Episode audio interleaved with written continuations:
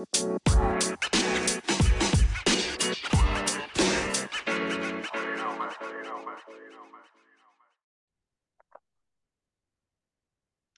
og velkommen til en ny episode av Jordbrukspodden. I dag har vi vært så heldige å ha fått med oss Bjørn Gimming, leder i Bondelaget. Du trenger ikke noe nærmere introduksjon, for uh, du er meget godt kjent i, blant bønder og andre landbruksengasjerte folk. Vi lurer jo litt på, Bjørn, hva er det du og Bondelaget er opptatt med nå for tida? Hva er det dere prioriterer, og hva er det dere jobber mest med, og hva er det som er viktigst for dere nå fremover? Ja, hei og, og takk for invitasjonen, eh, Ola. Um, ja, nei, altså Bondelaget sitt arbeidsfelt er jo, er jo bredt. Så Det er jo ikke sånn at vi jobber bare med én sak om gangen. Vi har, uh, det er mange saker som Norges Bondelag til enhver tid jobber med på, på vegne av medlemmene våre. I stort og smått. Det kan være alt fra regnskapstekniske ting, eh, juss, eh, eh, lover og regler, holdt jeg på å si, og landbrukspolitikk. og Det som jo har stått litt øverst de siste dagene, har jo selvfølgelig vært statsbudsjettet som kom på fredag. Og, og egentlig oppfølging og, av, av, det. Lesing, sette seg inn i hva som ligger i statsbudsjettet. og og eh, en diskusjon selvfølgelig internt hos oss hvordan vi skal jobbe videre rundt eh, det som regjeringen har lagt fram eh, videre framover i de neste, neste ukene. Mm. Det med tollvern, hvilke strategier har dere hatt på det i forhold til å få gjennomslag for det jordbruket ønsker? og Er det dere egentlig har sett for dere, at vi fikk gjennom prosenttoll på alle varelinjer nå i, i, det statsbudsjettet, eller hva dere liksom eh, hva er det dere har sagt til regjeringa at dere ønsker å få til i statsbudsjettet? Ja, dette eh, Spørsmålet rundt uh, tollvern er jo noe Norges Bondelag har jobba med i, i, veldig mange år. Selvfølgelig, vi husker, vi husker, det som skjedde for drøye ti år siden, hvor vi jo jobba mye for å få på plass eh, en bedre eh, tollbeskyttelse bl.a. På, på meieri eh, og, og på eksempelvis storfekjøtt den gangen, som jo fikk delvis gjennomslag for. Det fikk dessverre noen, noen uheldige konsekvenser i etterkant ved at norske myndigheter åpna, eller de ble med på forhandlinger med EU. og vi endte opp med kvoteinnrømmelser der som tok ned noe av effekten av, av den prosenttollen på på de, store, viktige produktene. Eh, så Dette her er noe vi har jobba med mye. og selvfølgelig inn mot, um, Dette her jo, ligger jo i statsbudsjettprosessen. så, så Vi har jo hatt med uh, forbedringer i tollvern uh, gjennom mange år uh, inn mot egentlig skiftende regjeringer. Og så er det jo sånn at vi har jo jobba mye også selvfølgelig med denne regjeringen her for å få en overgang til, eh, til prosenttoll på, på, langt flere varelinjer enn det vi, det vi har. Um, og det har jo vi jobba mye med nå i både forbindelse med statsbudsjettprosessen i år, selvfølgelig, som jo starta for, for mange, mange måneder siden. Eh, og helt konkret også eh, så bidro vi inn til, eh, til SV da de valgte å fokusere og som vi var veldig godt fornøyd med da, at de gjorde. altså Fokusere på, på styrka tollvern i forbindelse med godkjenningen i Stortinget, eller behandling av jordbruksoppgjøret nå i sommer i Stortinget. Så Vi har jobba med både regjeringen og, og og sånn sett eh, opposisjonen, da, eh, særlig SV, for å få gjennomslag for prosenttoll på flere varelinjer. Mm. Men, når du sier flere, du, du, tenker alle da, sånn at vi liksom er på samme Altså, vi, har, eh, ja, altså, vi ønsker oss jo alle, men når, det, når, når du sier alle, så, så, er det jo også sånn at det, er ikke nødvendigvis prosenttoll som gir best beskyttelse i, til enhver tid for alle, alle varelinjer. Sånn at vi har, eh, vi har jo eh, prøvd å analysere. og Det er for så vidt en jobb som har vært gjort i en, i en større, større, kontekst i næringa. Hva som kan gi det, det beste resultatet.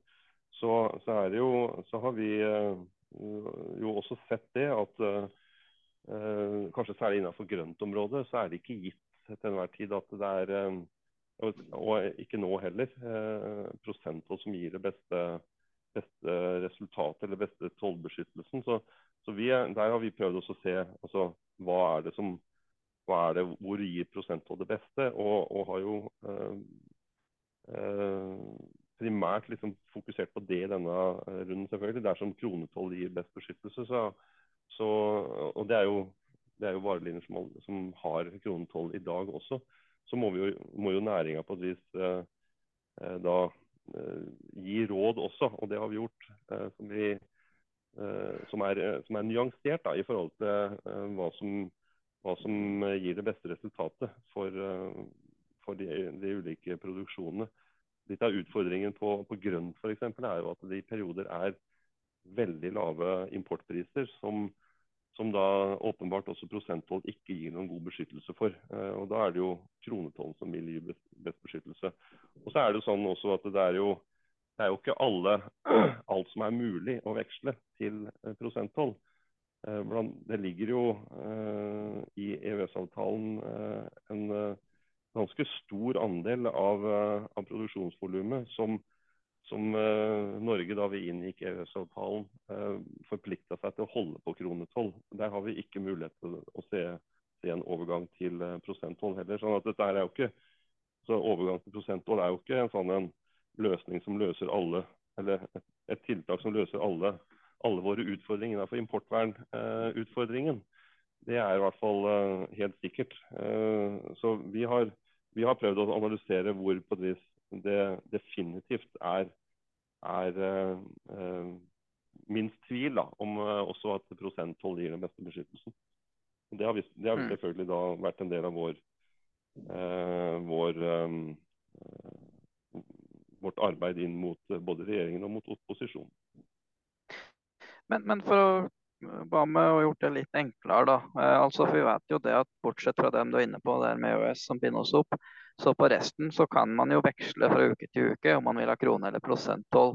Så hva med en formulering som er vedtatt i Stortinget, som sier at det, det som til hver tid skal gi best tollvern på den aktuelle varelinja, uavhengig om det er prosent- eller kronetoll, blir det opp til byråkratiet å legge til rette for det som gir best tollvern, at man har en generell beskrivelse. Vil ikke det være en mulighet som, som forenkler den prosessen der?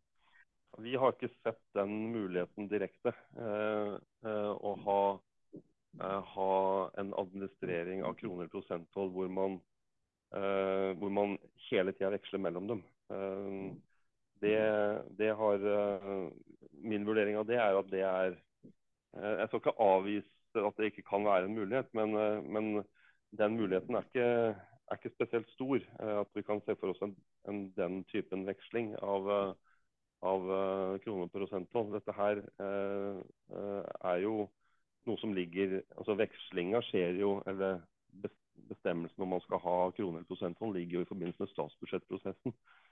Um, og um, her er det jo også, sånn jeg forstår det i hvert fall, og, og leser, uh, leser uh, dette saksfeltet, er jo også at det må innebære en forutsigbarhet.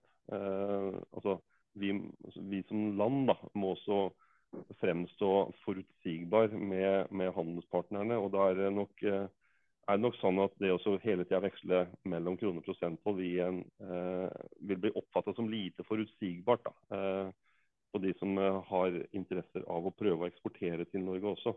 Jeg tror vi egentlig står oss best på å, å øh, gjøre en best mulig vurdering ut fra hva som er, gir den beste beskyttelsen sånn over tid. Øh, og, og jobbe for å få politisk gjennomslag øh, i regjering og storting for å, for å, å bruke da enten krone- eller prosenttoll i tida framover. Og det er jo og Når man ser det som kom av forslag i, i, statsbudsjettet også, så er det jo ingen tvil om at det fortsatt er en uh, forholdsvis bratt motbakke å få overgang til prosenttoll på langt flere varelinjer enn det det som kom på fredag. For det monner jo selvfølgelig ikke å få da prosenttoll på fire grønnsakstyper nå. Det, det, det vil jo selvfølgelig ikke være tilstrekkelig sånn at monner for norsk jordbruk. Mm. Det er jo viktig for de enkeltprodusentene og produksjonene, men det hele som du sier, så er jo det en vits. Og Da blir jo litt spørsmålet, hvis vi har hatt en strategi og på en måte vi har jobba for å få, få det her tollvernet på plass, og så har jo regjeringa sagt det her i Hurdalsplattformen at det er noe de skal se på, så har det ikke skjedd. Hva, hva gjør vi nå da? Har vi noe på en måte ris bak speilet? Kan vi sette ned foten på noe vis? Hva, hva har vi som maktmiddel, eller skal vi liksom fortsette da å og si at det er kjempeviktig. Hva, hva, skal vi egentlig gjøre da for å få dem til å levere på sin egen plattform på denne saken? Ja, nå har jo Nå har jo, nå har jo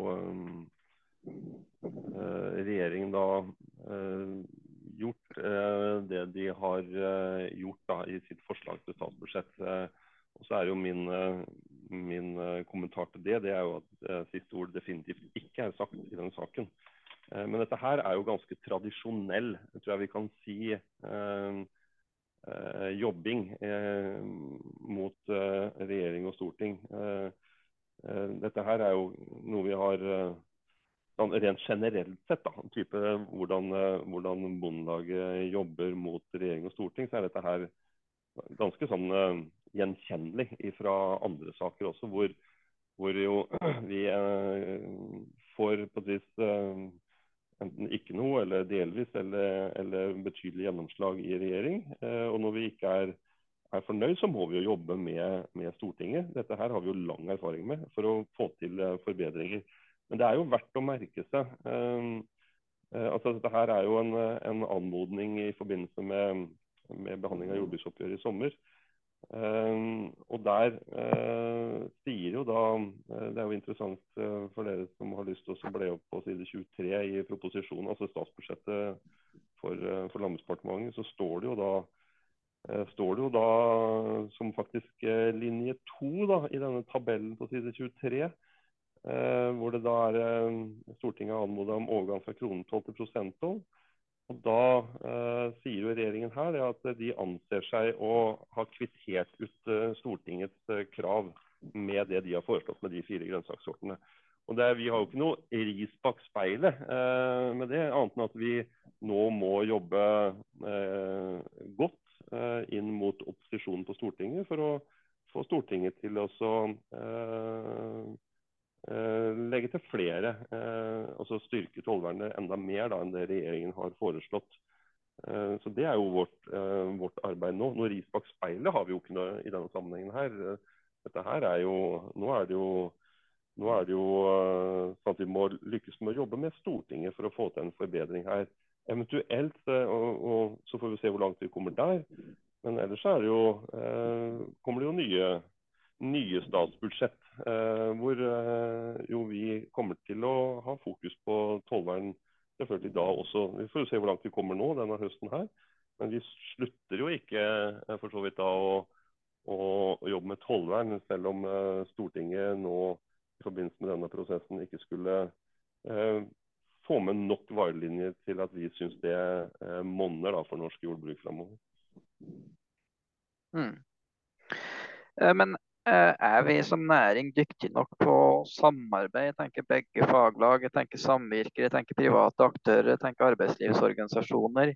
I forhold til å synliggjøre med konkrete regnestykker på verdiskapning på det her med tollvern. Er vi dyktige nok på å virkelig få, få fram budskapet hvor viktig det er og hvor mye det her betyr? Faktisk en verdiskapning av skatteinntekter. Altså at det her er en vinn-vinn-situasjon for staten hos? Nei, altså om vi lykkes godt nok med å synliggjøre uh, hvor stor betydning dette her har, det, det finnes det sikkert uh, ulike oppfatninger om. Uh, og, jo, og, svaret er jo kanskje nei. Altså, vi burde ha klart å synliggjøre det enda bedre. Men samtidig så, så er det jo ikke noe tvil om at det her er det, dette her er jo en sak som er forholdsvis krevende, tror jeg vi kan si, eh, for, eh, sånn totalt sett. Den, vil, min vurdering er i hvert fall at det er en ganske krevende sak for regjeringen. Og det er ikke noen enkel sak å gjøre disse endringene. Og så ser vi jo også det at her er det jo betydelig ulik oppfatning i det politiske landskapet i Norge. Regjeringen er jo så sin sak. Det er jo ikke så veldig mange ukene siden da rett før valget, det var vel et par uker før lokalvalget nå i høst, at Erna Solberg sto i VG og sa det at hennes oppskrift var jo å svekke tollvernet fordi at matprisene måtte ned i dette landet her. Sånn at det, det, er jo ikke noen, jo ikke noen konsensus i Norge på noe som helst måte om at det eneste riktige løsningen er å styrke tollvernet. Tvert imot. Det er en ganske stor andel av det politiske Norge som mener det at Eh, vi hadde kommet mye bedre ut av det hvis eh, vi hadde ikke hatt et så strengt eh, tollvern som vi har. Og så må jo vi som næring og som bondelag vi må jo selvfølgelig jobbe knallhardt for å synliggjøre hvor viktig tollvern er for at norske forbrukere faktisk skal få tilgang på et matmangfold som inkluderer faktisk at vi har en matproduksjon og, og, og norske produkter i butikkhyllene. Det er jo helt avgjørende. Men, det, men jeg vil advare mot å tro på det, at det er noen unison holdning i Norge at, dere, at, at, at alle er enige at tollvernet skal bli bedre. Det er ganske mange som mener at det bør svekkes uh, i det politiske landskapet. Og så må vi da lykkes uh, uh, kanskje enda bedre enn vi gjør nå, da, med å få flere, og særlig de som nå sitter i regjering, med på å og, og utnytte det handlingsrommet som ligger i, i eksisterende, eksisterende WTO-avtale. Um, men vi så jo, altså det var jo interessant å se på fredag da, uh, når statsbudsjettet ble lagt fram med disse fire grønnsakstypene. Altså det, det, det, smalt umiddelbart i matprisdebatten i Norge. Uh, så, det, så, dette her er jo et tema som, som, som, er, eh, som, som, skaper veldig stort engasjement der ute. Eh, altså Da tenker jeg utenfor næringa, eh, i samfunnet for øvrig. og særlig nå kanskje som noe som mange forbrukere opplever svikt i kjøpekrafta. høye altså prisøkninger, høye renter osv. Da, da blir dette her veldig fort en diskusjon rundt, rundt matpris. og Det tror jeg jeg tror i hvert fall vi som er i næringa kan lese det ganske tydelig ut ifra eh, det som regjeringen foreslo. Mm. Vi får gå litt videre fra, fra 12, og så får vi se hva som skjer i den uh, saken med SV og den biten. Um, en ting jeg stusser litt på, Bjørn, vi har jo vært litt grann, sånn, debattert litt grann før i forhold til de to jordbruksoppgjørene vi har hatt bak oss. og det med effekt av finansiering, økende rentekostnader som ikke blir utgiftsført. og og det her med at når rentenivået stiger, så går en stor andel av EAK til faktisk avkastning på innsatt kapital. og Ergo blir ikke det såkalte gapet tetta så mye. Og Du har jo vært relativt tydelig på at jo, gapet blir tetta, og det pengene kommer ut til bonden. Men så stusser vi da litt på at uh, så er jo du ute i TV 2 30. august var det vel, der du snakker om at nå er det faktisk litt krise i næringa. Eh, det er mange som ber om refinansiering, avdragsutsettelser, eh, dårlig lønnsomhet rett og slett i næringa. Og så vet vi at det er jo bare noen måneder siden jordbruksavtalen, og det er jo ikke noe som har forandra seg vesentlig. Altså Kostnader er jo ganske likt. Gjødsel, strøm. Eh, de fleste postene er jo like, bortsett fra rentene, da, som stiger litt mer enn forutsatt.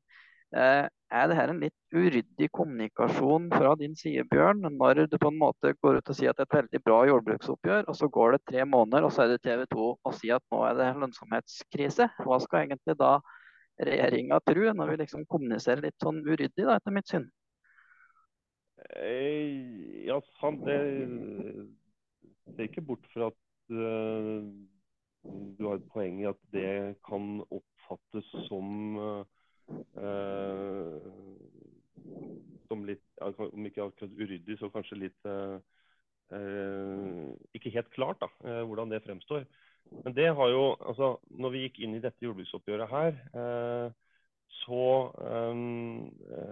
så vi jo det i grunnlagsmaterialet at her kom det til å bli en, å bli en, en utfordring i, i noen produksjoner, særlig melkeproduksjon, for inneværende år, altså 2023. Og Det bidro jo bl.a. til at vi ba om og fikk gjennomslag for en korrigering på forutsetningen som ikke, ikke slo til. De 888 millionene i, i egentlig kompensasjon da, for at forutsetningen ikke har slått, ikke har slått til. Og så er det sånn at Når vi sitter og forhandler, så forhandler vi for neste år. Så det er jo til neste år på at resultat, hele resultatet av årets jordbruksoppgjør kommer. De, de, kommer ikke i år, de kommer til neste år.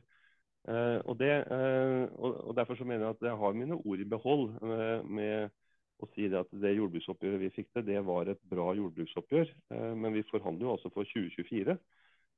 Og så visste jo allerede i, i mai, april-mai at det, det kommer til å bli en utfordrende situasjon for flere produksjoner, kanskje særlig melkeproduksjon, som jeg sier, i, i 2023.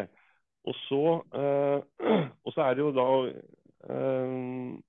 også når vi kom til august måned, så hadde vi jo da lagt bak oss også hoveddelen av en ganske utfordrende vekstsesong. Som, som skaper jo altså, Du snakka om hva vi jobber mye med om dagen. og da er jo vekstsesong, produksjonssvikt, naturskade, ekstremvær er jo det vi har brukt også veldig mye ressurser på, selvfølgelig, de siste par månedene. Så det er klart at værsituasjon, sviktende avlinger, dårlig kvalitet osv.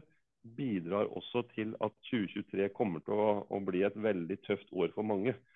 Derfor så mener jeg at det er helt legitimt å stå og si også da på tampen av sommeren at dette her er faktisk en, en, en krevende øvelse for veldig mange. Når man begynner å oppsummere da både den situasjonen vi gikk inn i i dette året her, og, og, og det avlingsåret som vi står oppi.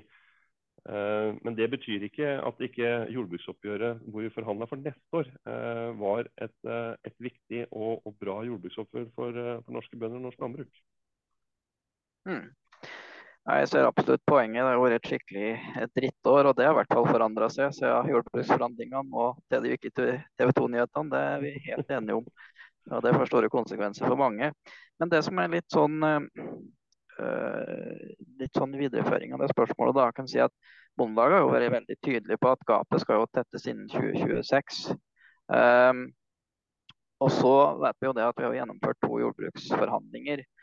Og så har du jo ikke sagt at du er 100% fornøyd, men du har jo sagt at du er ganske godt fornøyd.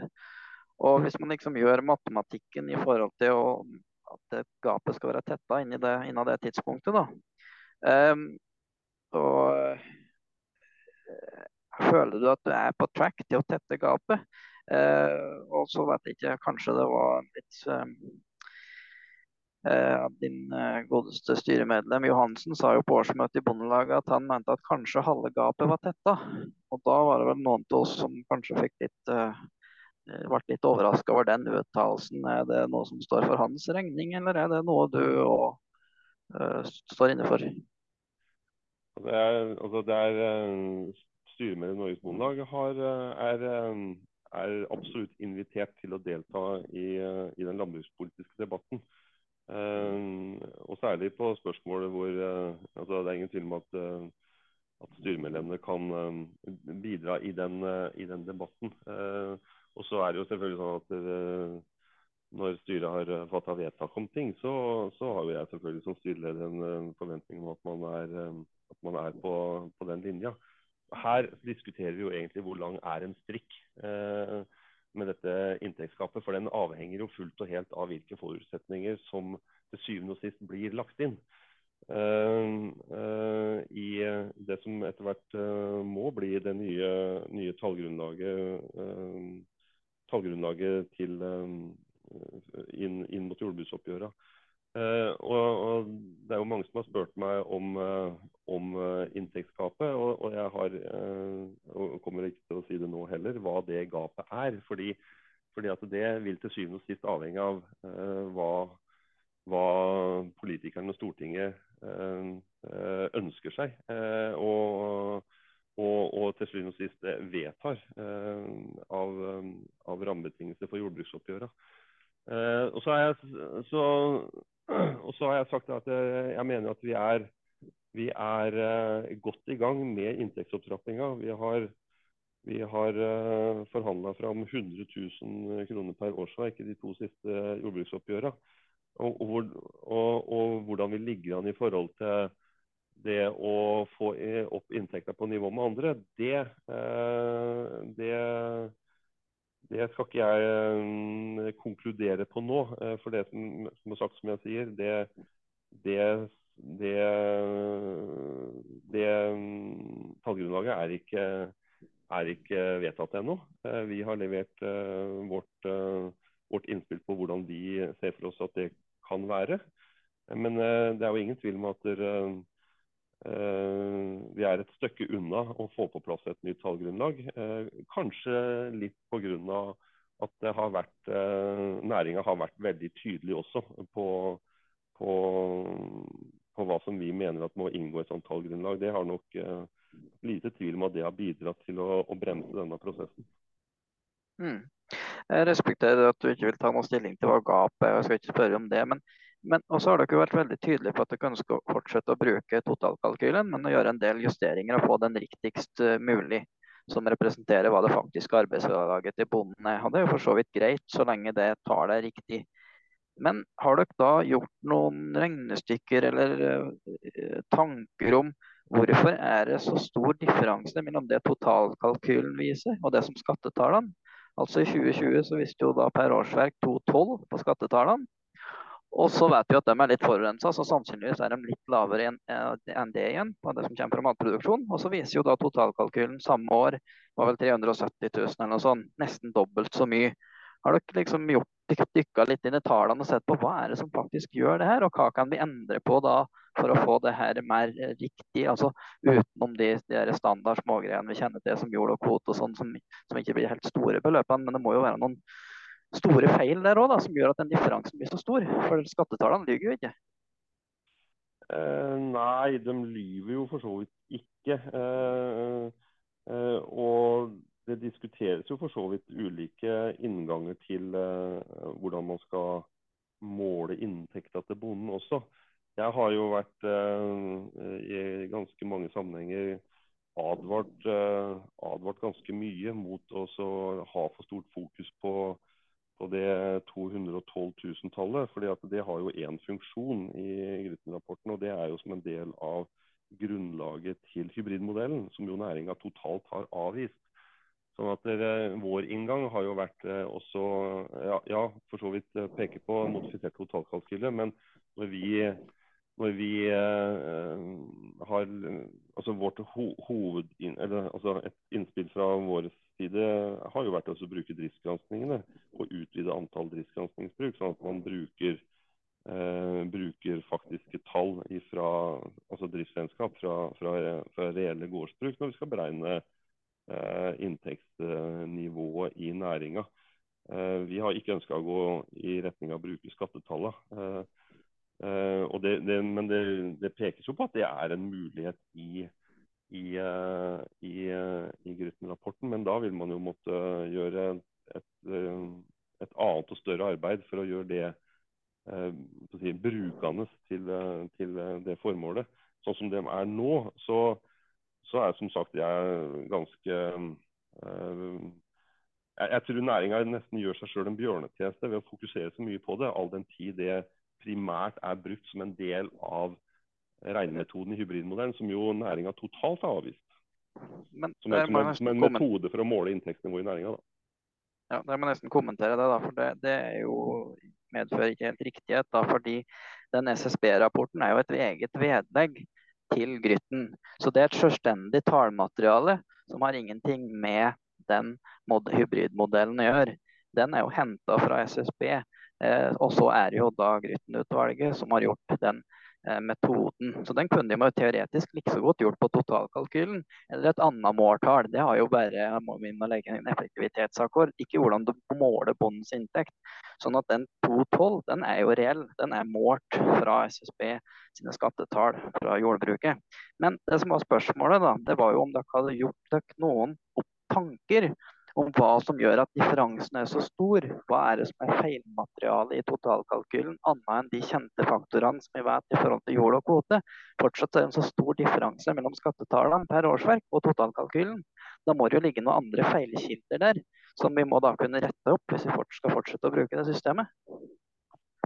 Ja, Nå skal ikke jeg være nå er det en stund siden jeg har uh, sett på akkurat det, skal jeg innrømme. Men, uh, men uh, jeg er vel ikke helt av den oppfatning at det er sånn altså, Ja, det er en viss forskjell der, men, men, men totalkalkylen og, og, skattetall er jo litt, litt å sammenligne forskjellige ting også.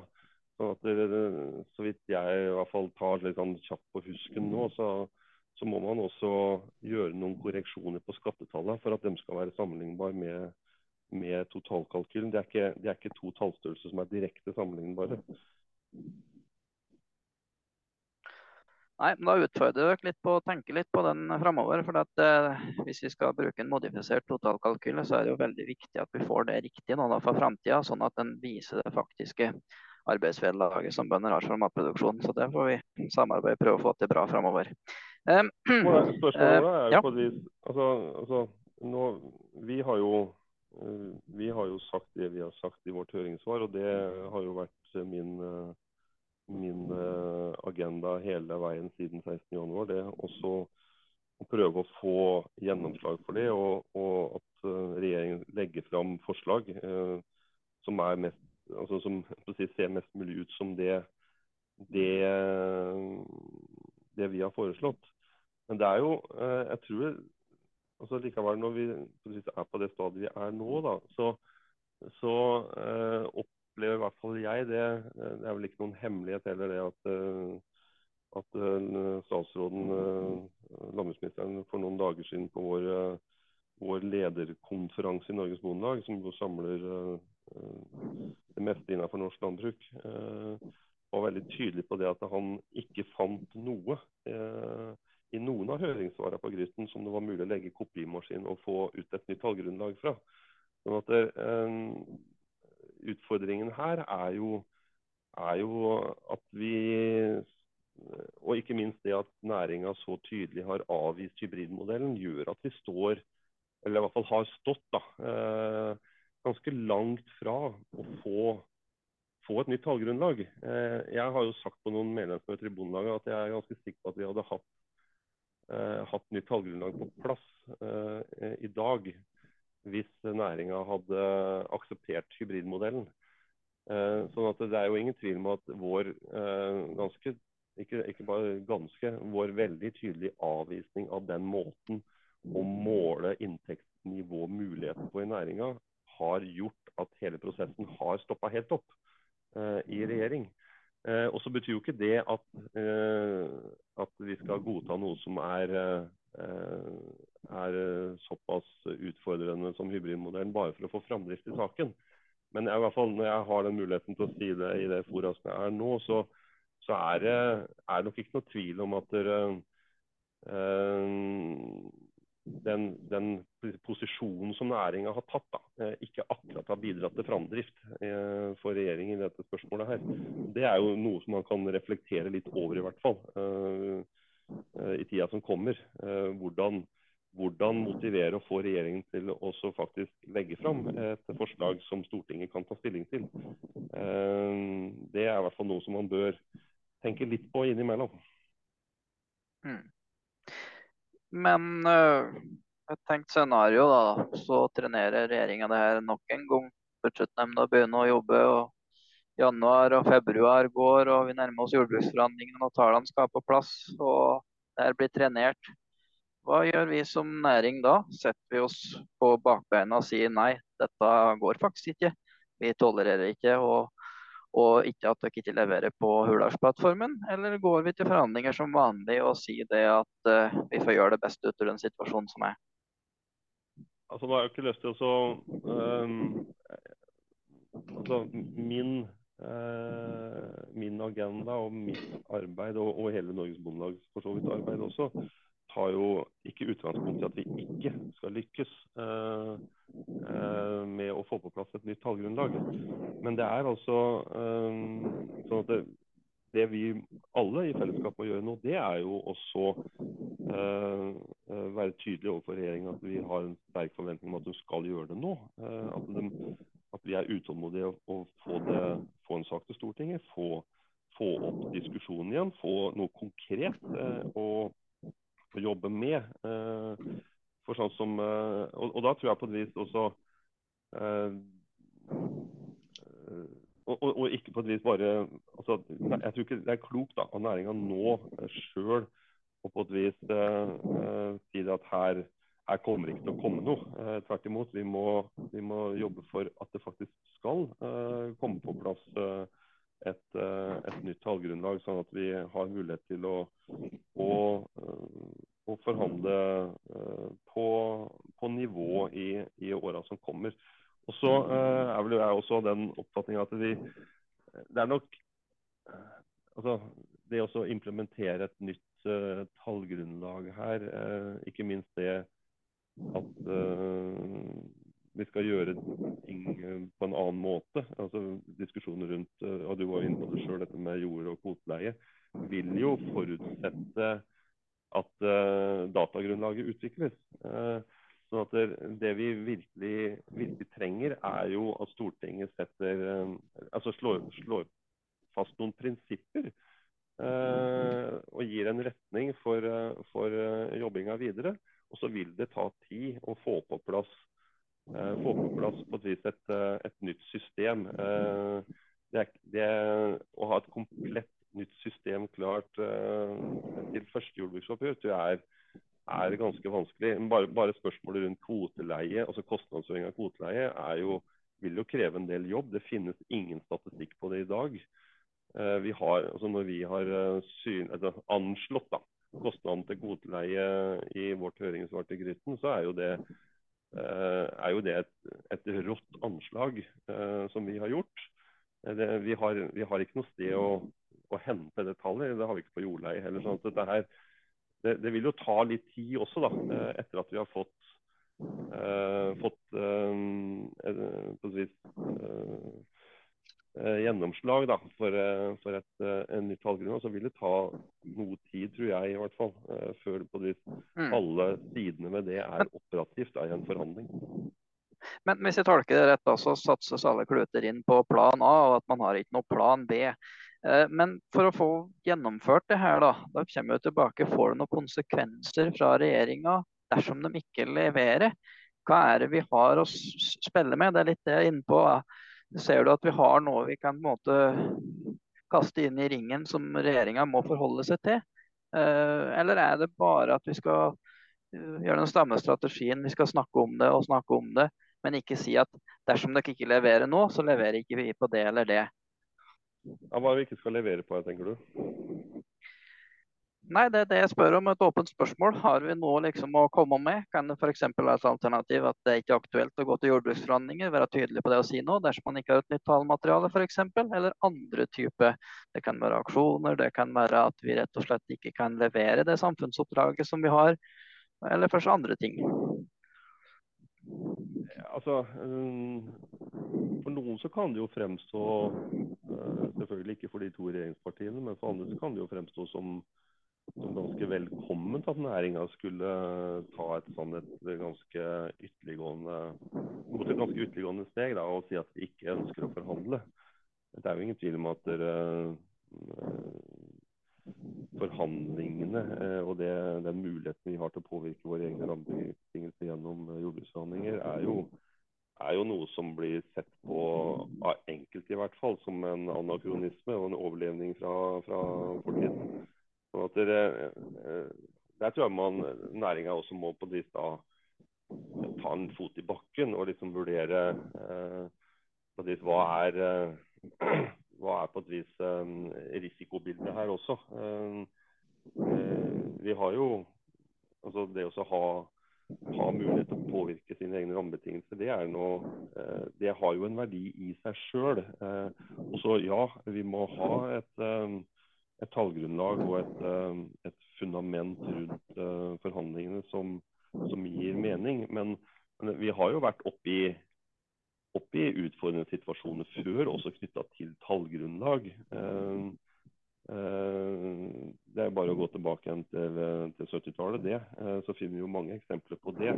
Men det å ikke skulle gå til forhandlingsbordet, ikke benytte seg av den muligheten, det er å kunne påvirke egne rammebetingelser, det tror jeg ikke er noen klok strategi på noe tidspunkt. Altså, jeg oppfatter veldig sterkt at medlemmene i Bondelaget er, er opptatt at vi skal få til resultater. Og, og de aller, aller fleste ser at det er en stor verdi at vi har mulighet til eh, i direkte forhandlinger med, med, staten å påvirke våre egne, egne rammebetingelser. Sånn at det, dra opp eh, det store spørsmålet. Også, og det, det, er jo et spill som, eh, som åpenbart ikke nødvendigvis eh, lander bra for næringa. Eh, vi må jo jobbe, eh, vi må jo jobbe ufortrødent videre med å få Eh, få regjeringen med på å få på plass et, et, et, et, nytt system som ikke måler på utvikling, men på nivå. Og det, mm. det, det, det er på et vis det er, det er, jo primært et positivt arbeid, og ikke et, ikke negativt arbeid. Ikke en negativ inngang til det. Hmm. Hva tenker du og Bondelaget er de viktigste liksom, punktene i opptrappingsplanen som regjeringa skal komme med? Hva er det som er liksom, de tre viktigste punktene for, eksempel, for dere? Ja, altså Opptrappingsplan. Eh, da må man jo på et vis se for seg litt hva som er opptrappingsplan. da. Altså, eh, eh, det er sånn at opptrappingsplan eh, altså man kan trappe opp inntektene uten noen plan. Eh, det kan man gjøre sånn som regjeringen har gjort eh, i de to siste jordbruksoppgjørene. Man kan, man kan sørge for en sterkere inntektsutvikling enn andre grupper. Da trapper man opp inntektene. Jeg tror ikke det er mulig å, legge, å ha en opptrappingsplan uten et nytt tallgrunnlag. Sånn at Tallgrunnlaget er en viktig forutsetning for å, for å ha en, en opptrappingsplan og et, og et mål å styre mot. Eh, og så, eh, sånn at der, eh, Hovedtrykket må jo settes inn på å få på plass et eh, tallgrunnlag som gir oss muligheten til å måle inntektene på, på nivå. Eh, og Da er vi jo fort eh, vekk i en situasjon, etter mitt skjønn, der vi var i, i opptrappinga på 70-tallet. At opptrapping er, opptrappingsplan er primært en dato. altså når skal inntektene være på nivå med andre. Eh, den konkrete altså fordelinga, prioriteringen og sånt noe, vil jo måtte skje i jordbruksoppgjøret på sedvanlig vis. Altså, vi må ha de gode prosessene i faglaga eh, som sier noe om hvordan, hvordan skal vi prioritere i år. Hva er viktig, hva er mindre viktig. Altså innafor, eh, innenfor eh, for, hele forhandlingsopplegget. da. Eh, det vil jo ikke en, en opptrappingsplan er jo ikke en, en flerårig jordbruksavtale. Eh, det er jo, etter mitt skjønn så er det jo primært en, en, en, dato for når vi skal ha inntekt på nivå med andre. Og så er det jo, så er det jo mange elementer som inngår i inntektsdannelsen til oss som bønder. Én uh, ting er jordbruksoppgjøret. Men her, jo, her, er det jo andre elementer også som, som inngår. Altså Hvordan utvikler markedene seg f.eks. Eh, vi forhandler veldig lite pris i jordbruksoppgjøret eh, framover. Eh, en, god del, eh, en god del av inntektsdannelsen skjer ikke i, i prosesser hvor, eh, hvor faglagene faglaget har noen påvirkningsmulighet lenger.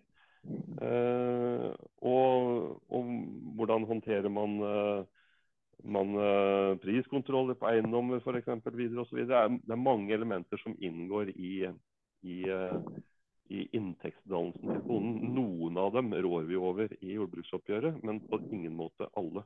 Sånn der, eh, en, jeg ser ikke for meg noen opptrappingsplan eh, som på et vis en slags flerårig jordbruksavtale. Jeg ser for meg det primært som en, en eh, forpliktelse eh, som Stortinget må vedta for når, når, eh, når, vi skal ha inntekt på nivå med andre. Og så må vi løse den konkrete jobben i jordbruksoppgjøret framover på ganske ganske gjenkjennelig vis. Da.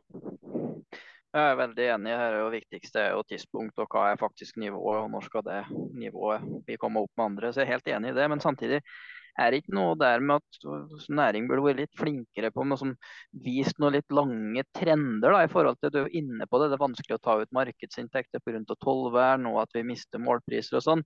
Burde vi ikke på en måte simulert litt regnestykker og sett på ja, hvis vi skal ta ut 50-50 i markedet, så blir det sånn litt sånn ut. At vi liksom kunne ikke detaljstyre, men kunne vist litt til de lange trendene og kanskje også vist tatt litt eierskap til hva man mener nivået er sjøl, for å synliggjøre behovet fram i tid. For å da igjen synliggjøre hvilke tiltak er det som er viktig at regjeringa gjør. Og Hvis vi hadde kommet med det på et tidligere tidspunkt og synliggjort det, eksempel, da ville jo det gitt større insentiv til regjeringa å gjøre noe på tollvern, når de har sett at ja, men gapet er så stort, her er det mye som må tettes, da er vi avhengig av markedsinntekter.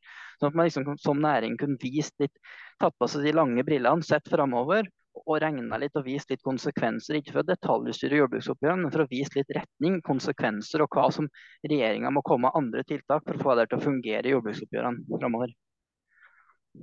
Jo, altså ja. Lange linjer. Eh, det for så vidt uh, enig i det. Men jeg tror, jeg tror likevel du, du, hopper litt fort uh, i resonnementet rundt Altså hva er behovet, og hva må på det tas i markedet. Eh, for at det, eh, Markedet er og det være et argument for økt tollvern. Altså Utfordringen til eh, altså det blir, Jeg mener at det blir litt sånn for enkelt. Altså, det, er ganske, det er jo greit nok at vi i næringa eh, setter opp en sånn sammenheng, men, men utfordringen er jo eh, sånn som vi så nå, da, ikke sant, som jeg sa for litt siden. Eh, hovedutfordringen eh, på tollvern er jo ikke at ikke regjeringen ønsker at jordbruket skal kunne utnytte markedet, men konsekvensen det har videre. Eh, det er hovedutfordringen. Eh, sånn at det, og det, det, er jo også Som du ser på de to siste jordbruksoppgjørene, så er det jo ingen tvil om at det er Altså bekymringen rundt prisøkninger eh, har jo bidratt til at eh, regjeringen har vært villig til å bruke mye budsjettmidler på de to siste jordbruksoppgjørene.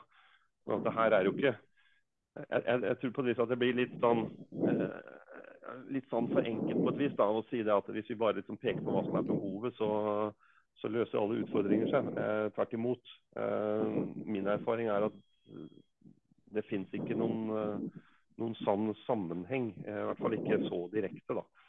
Mm. Eh, så, så, oppsummert så tror jeg ikke du at vi hadde kommet noe lenger på en måte i om det er tallgrunnlag, jamstillingsplan, tollvern, produksjonsregulering, andre ting som står i regjeringsplattformen, hvis vi på et tidligere tidspunkt har vært tydeligere på, på hva er gapet, hva ønsker vi osv. Da, da vi hadde vært på samme plass uansett. Liksom. Det er ikke det som har gjort at det har tatt så lang tid. Altså, øh, vi er, vi er, helt avhengig Altså, vi er i politisk næring. Eh, vi forhandler med, med regjeringen.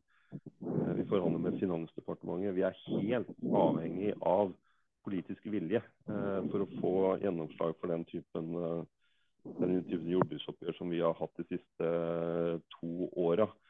Eh, dette her, og dette her har vi jo altså, Sånn har det vært i, i, i, i mange tiår. Altså, det er, eh, det er ulike politiske ambisjoner for vår næring mellom ulike partier. Eh, det burde, det burde vi antageligvis tenke mye mer på i den situasjonen som vi står oppe i nå, med tanke på at på tross av at regjeringen har da prioritert jordbruket mye i de to siste jordbruksoppgjørene, så, så var det ikke mulig å se noen uttelling på det i, i valget eh, da uh, for en måned siden. Og det, det, tror jeg iallfall næringa Altså uh, hvis det er noe som, som, bekymrer meg de siste dagene, så er det akkurat det forholdet der. Altså at, at det å faktisk ha prioritert næringa har gitt Altså, de gjorde et dårligere valg enn sist, da, på tross at de har prioritert næringa. Eh, eh, og det bekymrer meg jo litt, det, sånn med hensyn til hva slags strategier legger nå eh, partiene før stortingsvalget om to år. Altså, Hvordan skal de snu skuta og gjøre et godt valg i jordbruksoppgjøret om to år, når det de har gjort det nå, ikke har funksjon? da. I hvert fall tilstrekkelig nok, i, i valget. Sånn det, ja, men, her... men, men, men, det kan vel ikke være sånn at vi skal levere gode jordbruksoppgjør for å få stemmer? Vi gjør vel det her for å være sjølberga med mat i dette landet? Vi kan vel ikke bry oss om politikerne får mye stemmer eller ikke? Må ikke vi konsentrere oss om det som handler om eh, bondens sosiale og økonomiske vilkår og sjølberging her i landet, som vi skal levere på? Det, det, det, gjør vi jo definitivt. Altså, det, er jo vårt, uh, det er jo vår prioritet hele tida. Å få til et best mulig, uh, få til best mulig uh, rammebetingelser og at det skal være godt å være bonde i Norge. Det jobber jo med ja, holdt på å si 365 dager i året. Poenget mitt er at vi trenger politisk gjennomslag for å få det til.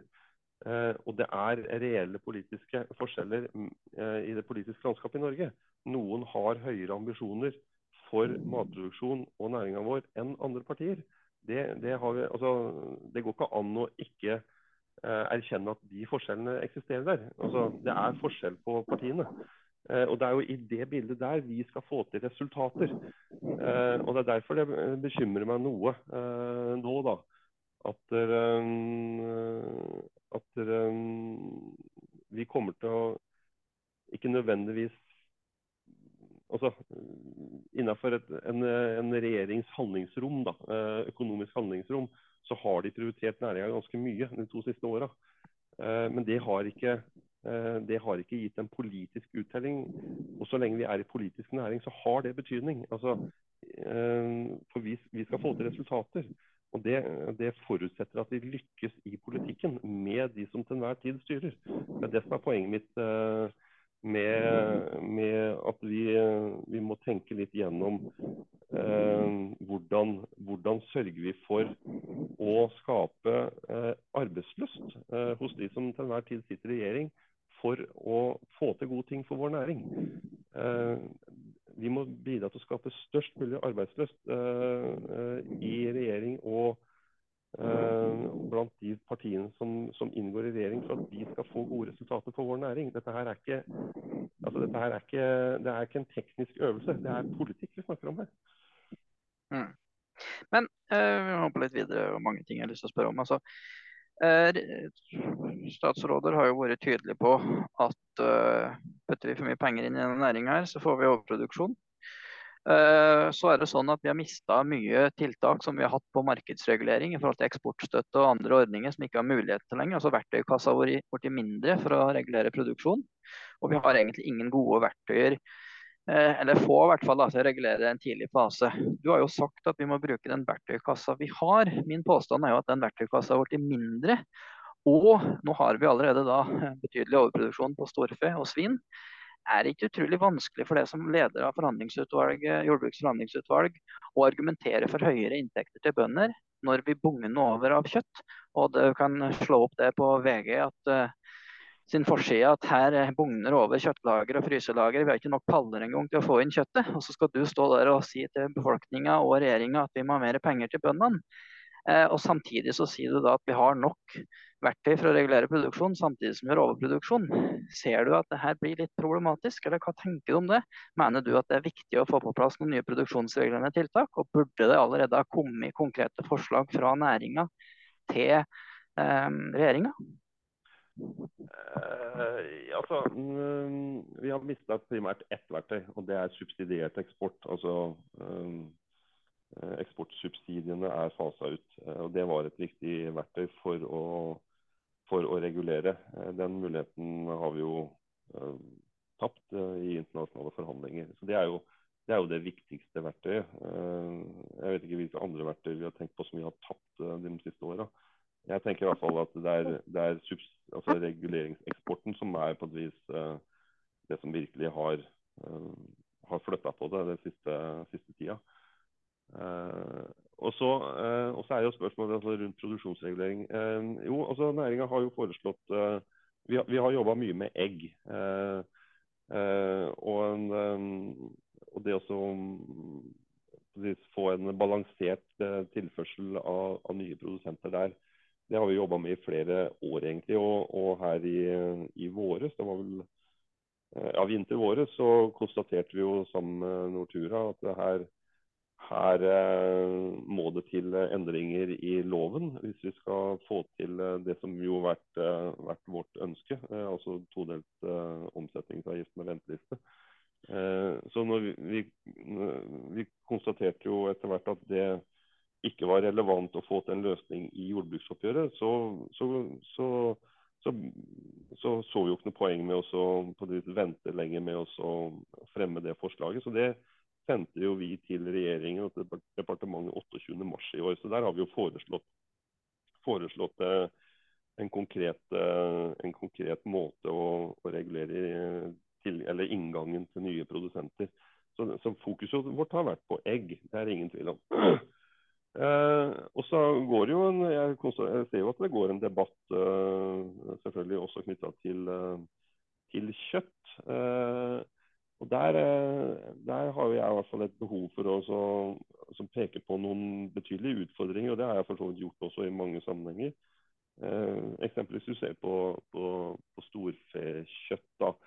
Eh, og ikke minst de erfaringene vi har med oss ifra, ifra melk, er jo også eh, med på og som må jo også være med i vurderinga på hva som er, er uh, fornuftige eventuelt forslag til nye tiltak. Da. eksempelvis så, så, så er altså om, omsetning av kvoter er jo en, selvfølgelig en, en, utfordring der. Eh, det, er, det, er, jo ikke eh, Altså det å, det å kvoteregulere en, en produksjon eh, til vil jo, vil jo, medføre de samme utfordringene knytta til å tilegne seg produksjonsrett, som vi, som vi ser eh, i, i melkeproduksjon. Og så er det jo en ja, men, men, men, hvorfor er det en automatikk i det? At uh, hvis du får kvoter f.eks., eller du ikke har kvoter, men du bare har forholdstall, hvorfor er det sånn at det automatisk må bli til en omsettbar kvote da, fordi at det har skjedd en gang på melk? Hvorfor er det automatikk i det? Uh, altså, hvor, altså uh, hvem jeg må nesten stille spørsmål. Ja, Du trekker opp utfordringa med at, at, her kan vi få kvoter, omsettbare kvoter, og at hvilke konsekvenser det har for melkenæringa. Og da spør jeg, det er, det er, jo ikke sånn at det må skje det samme hvis du innfører produksjonsregulering på storfekjøtt eller gris. Så trenger ikke det få samme konsekvenser som for mjølk. Det må jo ikke være kvoter, det må ikke være omsettbare kvoter. Det er jo mulig å produksjonsregulere uten at det har en negativ effekt som den kostnaden som leie og kjøp av melkekvoter har. Altså, da brukte jeg eksempelet kvote. da. Uh, og Hvis vi skulle havne der, så tror jeg uh, altså, gitt igjen eh, at det er ulike oppfatninger rundt, eh, rundt eh, politisk styring av denne næringa vår, så, så er i hvert fall min vurdering at det er Altså, det er, det er, selvfølgelig noen som vinner i Lotto. Men også over tid skulle kunne innføre en, en, kvote uten at den ble gjort omsettelig. Det har jeg veldig begrensa tro på. og det, altså, selv om selv om politikerne ikke på det skulle være deg i første runde, så tror jeg, tror jeg veldig fort at det, eh, det, det, blir en indre dynamikk i næringa eh, for å få det til. Eller altså med, med litt sånn à la det vi ser på, på melk. Så, så, det er liksom knytta til kvote. Uh, og så er det uh, og så er det uh, så har jeg sagt, jeg sa vel det, det er snart et år siden jeg sa det, at jeg ser betydelige utfordringer med å produksjonsregulere levende dyr. Eh, det har dyrevelferdsmessige perspektiver ved seg som jeg tror næringa er lite tjent med å gå inn i eh, frivillig. Eh, kan du forklare med den? Den skjønner ja, altså, ikke Ja, altså Rent konkret, da. Hva, hva gjør man med, med, dyr som er si, født eller klekka, og som det ikke er plass til i markedet på et tidlig tidspunkt? Altså, Hvis de blir født, hva gjør man med de dyra eh, som, da, som, det da ikke er eh, behov for i markedet? Men altså, Er ikke det hele poenget med produksjonsregulering at det dyret ikke blir født? Eh, jo, men eh, det er jo ikke gitt at, at det, eh, det skjer allikevel. Altså, De dyra kan jo godt bli født allikevel. Og hva gjør man med de dyra da? Det er, altså vi har, vi, det er jo noen utfordringer allerede knytta til f.eks. førtidsslakting av, av høns. Eh, nå ser vel kanskje ut til at det blir en, eh, en løsning på avlivning av hanekyllinger. Eh, vi har noen utfordringer i geitemelkproduksjonen. Ja, ja. Hva slags utfordring er vi i geitemelkproduksjon? Der har vi jo kvote på melkesida. Og på kjøttsida så er det jo ikke noe marked, så det finnes jo ikke overproduksjon i hele tatt. Det har jo ikke noe med det å gjøre, det. Ja, men 50% av kyllingene som blir født, er, er, er, geit, altså er, er hannkjønn. Eh, som, det ikke er noen, eh, som det ikke er noe marked for. Det er det jeg mener med, med omdømmemessig utfordring. Da. Ja, men det har jo ingenting med produksjonsregulering og overproduksjon å gjøre. Nei, det er jo bare at markedet ikke er der. vi bør ikke som næring eh, frivillig gå inn i, i nye situasjoner hvor, hvor, på et vis vi må eh, regulere eh, Eller på et vis, eh, ja, på et regulere levende dyr. Da. Og Det andre forholdet er jo på et vis langsiktigheten, altså ledetida. Eh, ledetida på eh, særlig storfekjøttproduksjon, eh, den, de er jo en Altså det er veldig vanskelig å forutse markedet tre år fram i tid. Eller fire år fram i tid. sånn at det, dette her er ikke Mitt poeng er bare at dette her Jeg klarer ikke å se at dette her er liksom noen sånn enkel løsning på, på det spørsmålet. Og Derfor så har jeg også hatt et stort fokus på at de som faktisk sitter med ansvaret for å regulere markedet her, må aktivt bruke den verktøykassa de rår over. Den er ikke tom, den er ikke perfekt, eh, men det er en del verktøy der. Og de verktøyene må faktisk brukes. Eh, for, eh, for ubalanse er, er uheldig. Og, og, vi må også lykkes med å selge så mye som mulig da, i, i, i markedet. Det leder meg litt over til neste spørsmål. For hører vel at her er produksjon... ja, jeg har mye på tapetet, så bare si ifra når du må gå. Men jeg har noen spørsmål i bakhodet. Altså, det leder meg over til pris ganger volum. For det er jo et uttrykk som ofte blir brukt i Tine og litt i bondelagssammenheng. Um, har man feil fokus i landbruksnæringa på å pushe volum? Vi har jo forbrukstrender som taler for mindre kjøttforbruk. Eh, vi har et veldig pris-kostnadsnivå eh, og et behov for inntektsløft, altså økning i priser og inntekter. Og da sier det seg sjøl at eh, volumet vil falle. Er det ikke bedre for melkebonden å levere 85 tonn istedenfor 100 tonn og få to kroner mer per literen enn å absolutt skal levere 100 tonn? Bør vi ikke utfordre den der tankegangen litt og heller kanskje levere litt mindre vare? Kanskje bruke mer norskprodusert korn og gras for å produsere det, som bidrar til selvforsyning? Ta ned volumet litt og få opp prisene. Hva tenker du om det?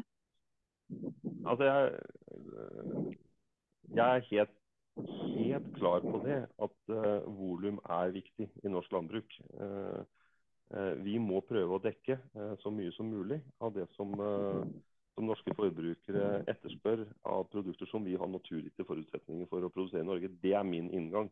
Og så er eh, volum viktig for, eh, for, å holde en lønnsomhet i produksjonen også. Altså, eh, enhetskostnaden er det han er.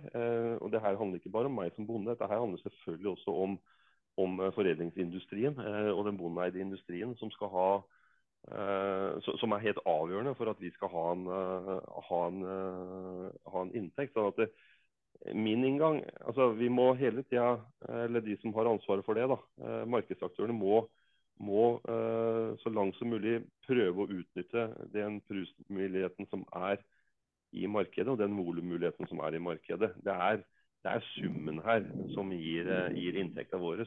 Og jeg har ingen Jeg må si at jeg har ingen tro på en strategi eh, hvor norsk landbruk altså at vi, norsk landbruk skal legge en strategi at vi skal produsere mindre mat. Eh, tvert imot. Eh, vi må produsere så mye som mulig av det norske forbruket er villig til og ønsker å, å spise. Eh, derfor så blir, eh, For meg så blir dette en litt rar diskusjon. Men, men, men ser du ikke da på men, men, ser du ikke poenget at vi øker matproduksjonen, men det baseres på mer og mer utenlandsk kraftfôr, og selvforsyningen går ned? Er det ikke bedre å faktisk levere det produktet til den rettmessige prisen som forbrukeren vil ha? Altså Jeg sier ikke at vi ikke skal levere det forbrukeren ønsker, vi skal levere akkurat det han ønsker, men at vi må levere varen til den kostnaden den faktisk har. For nå leverer jo varen så billig at bonden er jo under sosial dumping.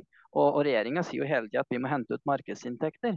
Så hvordan skal vi da få opp prisen hvis vi ikke aksepterer at volumet går litt ned? Hvordan skal du få opp prisen og lønnsomheten til bonden hvis du ikke aksepterer litt volumnedgang? Jeg, jeg, jeg, jeg ser altså Inntektssida mi består av, uh, av uh, volum ganger en pris. Og jeg tror jeg har, jeg har, i realiteten veldig lite tro på at vi får uh, Altså, ja, vi kan altså, Utfordringen er på et vis at den prisen som, som man på et vis da på et vis ønsker seg, den, det innebærer ikke 10-15 eh, nedgang i volum. Det er et helt annet volum som sannsynligvis uh, volumnedgang vil vi få da. Uh, og Da ender man jo opp med at norske forbrukere i større og større grad vil basere sitt matkonsum på import.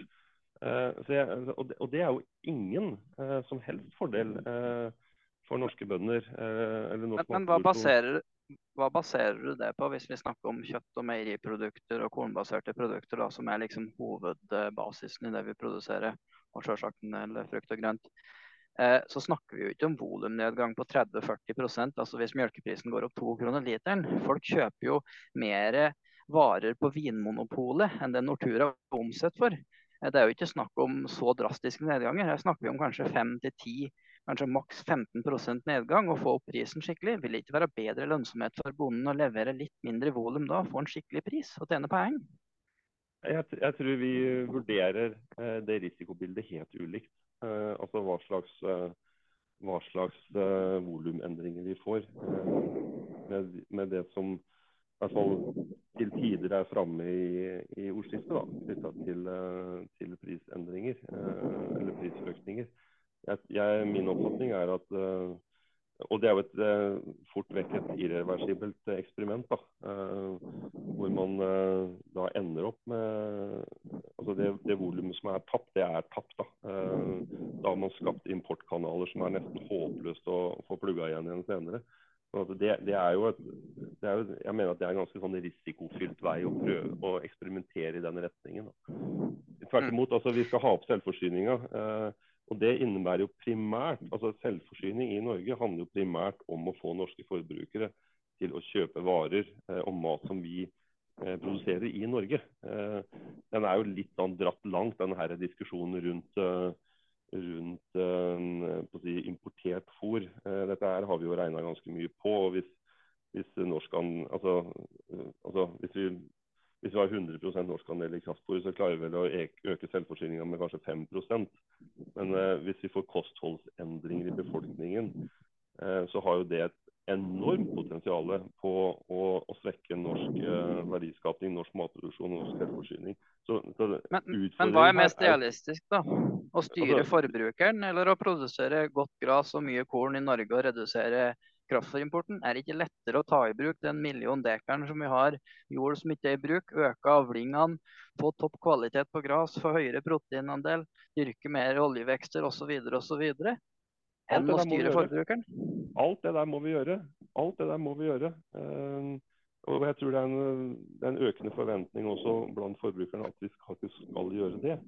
Uh, men hvis forbrukeren likevel ikke velger eh, det vi produserer her i landet. Altså hvis, det er bare å ta fram den kostholdsdebatten som har gått gjennom det siste året eller halvannet knytta til det nye nordiske kostholdsråd. Altså hvis, hvis på vis eh, eh, rådene framover sier det at vi skal spise noe annet enn det vi har forutsetninger for å produsere i Norge, så, så, så, så blir jo på et vis kraftfòrdiskusjon en sånn det blir en sånn her ganske uinteressant sak på sida. Eh, hvis vi liksom begynner å miste eh, forbrukerens eh, Altså at forbrukeren ikke velger det vi kan produsere her i landet.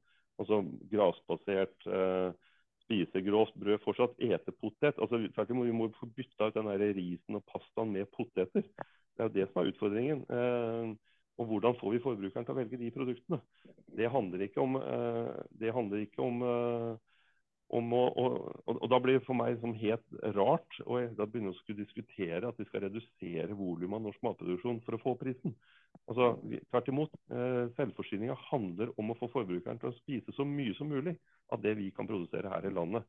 Og Derfor så må vi også ha fokus på volum framover. Mm. Da må vi oppover til Anna. Vi har fått inn en, eh, fra en lytter som ringte meg dag. dagen. Skal ikke nevne navn. Uh, fire unger, travel situasjon, husdyrprodusent. Jobber veldig mye kveld, helger og den biten der. Og uh, kjenner veldig på det overfor familien. Jeg var vel litt sånn litt anstrengt forhold i parforhold og sånn, som det ofte kan bli når man jobber mye. Eh, han stusser jo veldig på det her med hvordan vi anser timetall i, i, jordbruket. For det første er jo det at vi jobber flere timer, som jo dere har spilt inn at dere ønsker å ta mm. bort. Men han stusser jo på at skal vi da ha, som han sier, jobbe så mye helg, natt og kveldstillegg og drive på i lamming og kalving og våren utover natta uten at det blir kompensert på et vis. Og så sier han det at hvis vi skal sammenligne arbeidsvederlag med snittlønnsmottakeren, så har jo vi en mye større arbeidsbelastning og timer som kommer i ugunstige tidspunkter.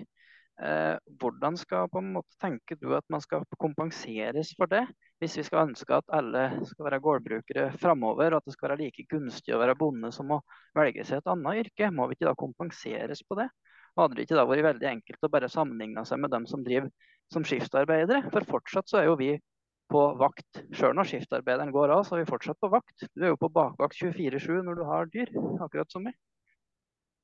Ja, ja, bortsett fra at vi er ikke et, uh, er ikke et ansettelsesforhold. da. Vi er selvstendig næringsdrivende. Uh, og uh, jeg mener at sånn sett, jeg sammenligner, sammenligner ikke meg sjøl som bonde med, med en lønnsmottaker der. Altså,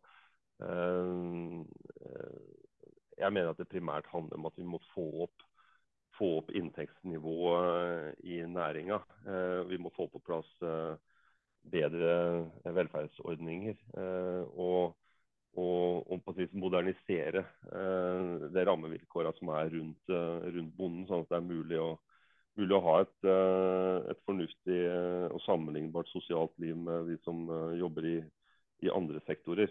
Og så er det, jo ikke, det er jo ikke sånn at altså at det bare er bonden som jobber uh, som selvstendig næringsdrivende som både uh, si, lange dager og, og, på ugunstige tider av, uh, av døgnet. Sånn at det, altså, jeg tror vi må til syvende og sist også erkjenne at vi som altså, Det å være selvstendig næringsdrivende har noen elementer i seg på både, både på pluss- og minussida. men jeg hører veldig lite Det er ingen som av den grunn tar til orde for at vi liksom ikke skal ikke skal være det. Eh, men, men her, det, det, for meg som Jeg driver jo dette her sjøl. Altså, jeg klarer liksom ikke helt å, eh, å lage noe slags sånn én-til-én-forhold mellom meg og, eh, og hvis, jeg skulle, hvis jeg skulle vært ansatt et annet sted. Og, og sånn sett ikke heller på et vis bestemt over min egen I et ansettelsesforhold så bestemmer du definitivt ikke over din egen hverdag. Der gjør du det som du er ansatt til å gjøre.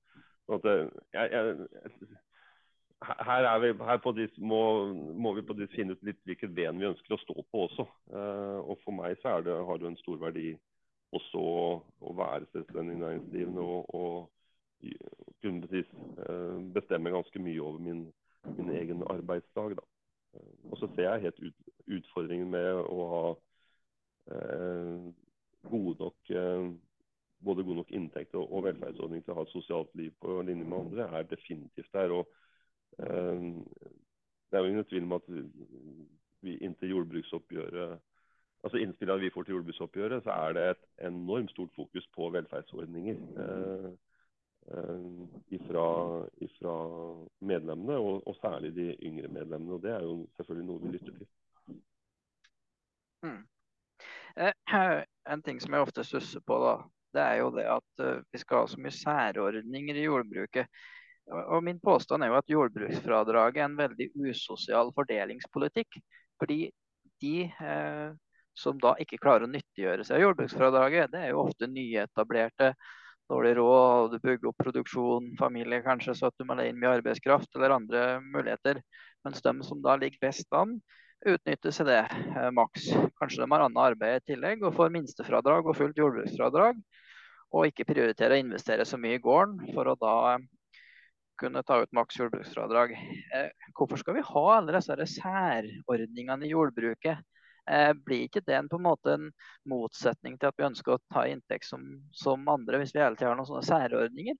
Er det ikke bedre å gå til regjeringa og si vi ønsker ikke å ha dette jordbruksfradraget. Vi ønsker ikke at det skal være et spesielt skattefradrag for at du skal være jordbruker. Vi ønsker å ha samme lønns- og arbeidsvilkår som andre isteden. Ja, jo, det er sånn, rent sånn objektivt sett så er jo det rett. Eh, og så, og så var jo situasjonen den gangen det ble innført, at det, var lettere å få til uh, inntektseffekten av et, uh, av et skattefradrag, enn, altså jordbruksfradraget, enn, enn det var å, å, å løfte pris- og budsjettmidler. Og sånn er det jo. Sånn er det jo veldig ofte. at det, at vi må eh, som næring vi må jobbe der det er et, eh, et eh, mulighetsrom for å få til, få til, få til inntekt for bonden. Du kan jo, altså,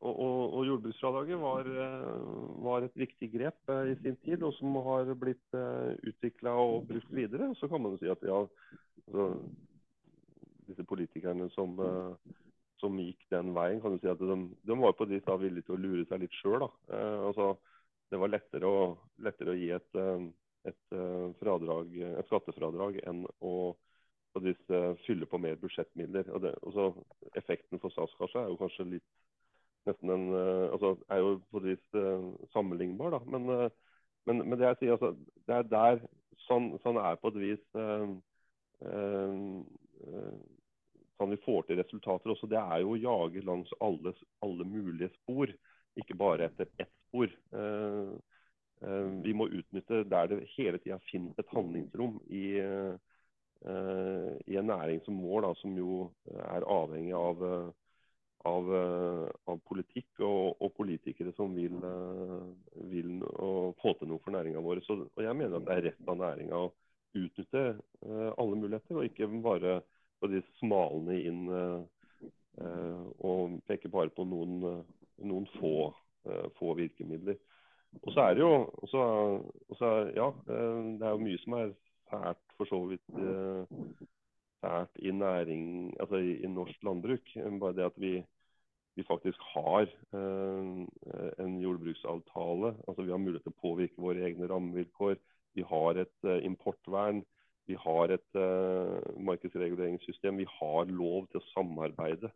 Uh, altså Vi har unntak, primærnæringsunntaket. Vi har en lang rekke uh, særordninger. Priskontroll f.eks. Uh, odelsloven er der fortsatt, konsesjonsloven. Alt dette her i sum gir jo det mulighetsrommet vi har for norsk matproduksjon.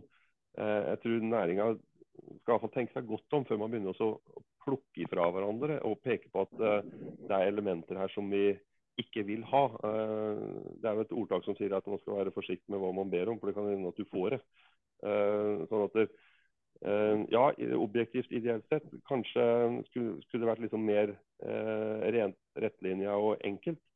Men måten vi lykkes på i, i vårt arbeid i næringa for, for, norsk matproduksjon, er å utnytte alle muligheter. Altså. Ikke, bare, ikke bare snevre inn, men prøve å vi ut og se hvor, eh, til enhver tid hvor, hvor ligger mulighetsrommet eh, til å få, eh, få til resultater for norske bønder med skiftende, skiftende, politiske regimer i dette landet. Mm. Men når jeg hører du snakke, så, så, så, drar du jo fram litt av de ordningene vi har. og forskjellig, og man kan jo si at på en måte så er norsk jordbruk en suksesshistorie hvis du da skal sammenligne det med monokultur i USA. Men hvis vi skal sammenligne oss med den kjøpekraftutviklinga som er i Norge, de topografiske forholdene vi har her, og mulighetene for å produsere mat, vil du si at norsk jordbruk er en suksesshistorie for bonden? Når vi da har en inntekt som er en fjerdedel av resten av samfunnet, og vi har 1,5 million mål ute av drift, og vi har den eh, tredje laveste selvforsyningsgraden? Nei, altså, altså, vi er jo altså, jeg tror vi er, Du og jeg er helt enige om at inntektsnivået i næringa er for lavt. Uh, uh, jeg har aldri oppfatta i alle de åra jeg har vært tillitsvalgt i, i Bondelaget, på noe annet vis enn at vårt hovedfokus er å, å øke inntekter og øke de sosiale vilkår for, for medlemmene. Det er, det er, jo uten tvil hoved, hovedfokuset vårt hele tida. Og, og, i det så ligger jo det at vi nei, vi er ikke fornøyd med, med sånn det er. Det er fortsatt uh, mange oppgaver som skal løses. Uh, det er mer vi skal få altså, vi, har en, vi har en jobb å gjøre med å få til enda bedre rammevilkår for norske bønder, for medlemmene våre og for, for norsk matproduksjon. Uh, og dette gjør vi altså i et land som fra naturens side er ganske sånn ja, ikke så veldig Sammenlignet med veldig mange andre land så har vi ganske krevende, har vi ganske krevende utgangspunkt for å produsere mat. Eh, med, med snaue 3 eh, dyrka mark eh, spredt eh, over hele landet. På til tider ganske urasjonelle jordstykker. Så, så innenfor, altså, jeg mener vi har fått til ganske mye da, totalt sett i Norge. fortsatt med det ressursgrunnlaget vi har. Og så kan vi få til mer. og det er som jeg for så vidt har sagt ganske mange ganger i denne, i denne innspillinga eller denne poden her, at der, vi har mange uløste oppgaver eh, foran oss. Men, ikke, altså, men det, er, det, er, vanskelig å si at dette her har vært en eh, altså at det her har liksom vært en fiasko. Tvert imot, vi produserer fortsatt mye mat i dette landet her. Eh, men vi har, vi har ugjorte, ugjorte, oppgaver da, eh, som, som vi må jobbe selvfølgelig mye med i tida som kommer også. Mm. Da har jeg bare to spørsmål til, så skal vi få komme videre med, med kvelden. både du og jeg. Men eh, altså det her med prisnedskrivingstilskuddet, det, det, det, har jo blitt veldig høyt. Og vi vet jo det at det var et tilskudd som hovedsakelig var på at du skulle unngå hjemmemaling i forbindelse med kanaliseringspolitikken. Og så vet vi at da hadde man ikke så mange virkemidler for å styre kanaliseringspolitikken, fordi man henta mye mer i markedet og mye mindre tilskudd enn man har nå. Nå har vi store muligheter gjennom tilskuddssystemet til å stimulere kanaliseringspolitikken hvis man ønsker det. Med arealsoner, med satser på dyre per dyr i, i kornsoner osv. osv. Så, har det da prisnedskrivingstilskuddet kommet over krona, og så vet vi at vi trenger egentlig en 30-40 øre kanskje for å holde den hjemmemalinga i sjakk. og Det er også mulig å løse på andre måter. Og så ser vi jo det som vi var inne på, overproduksjon av storfe. Eh, det er jo sviktende salg. Eh, kylling har ikke det. Den mest effektive måten å produsere på. Den bruker jo da litt over to kilo for å produsere én kilo kjøtt, og så får de da et veldig subsidie. Altså et nytt kyllingfjøs for 1,2 millioner. Hvorfor er det riktig at staten subsidierer den mest effektive produksjonen, som har veldig gode forutsetninger for å ta ut prisen sin i markedet, og at du da kan bruke de midlene på grovfòretende dyr som utnytter det landskapet vi har. Og at du da får en vinn-vinn med at de som er effektive og produserer på korn, kraftfôr, de må ta ut mesteparten av inntekten i markedet. Og så har du mer tilskudd å bruke på grovfòrdyr. Hvorfor skal vi dytte opp den prisnedskrivinga så mye som vi har gjort? Og hva gjør det med dette bytteforholdet på gras kraftfôr? Det ser vi jo at det får en negativ effekt. Ja, altså jeg mener jo at prisnedskrivningstilskuddet er eh, et av de viktigste eh, virkemidlene vi har for eh, å opprettholde et jordbruk i hele landet. Og så, så går det an å diskutere nivået her.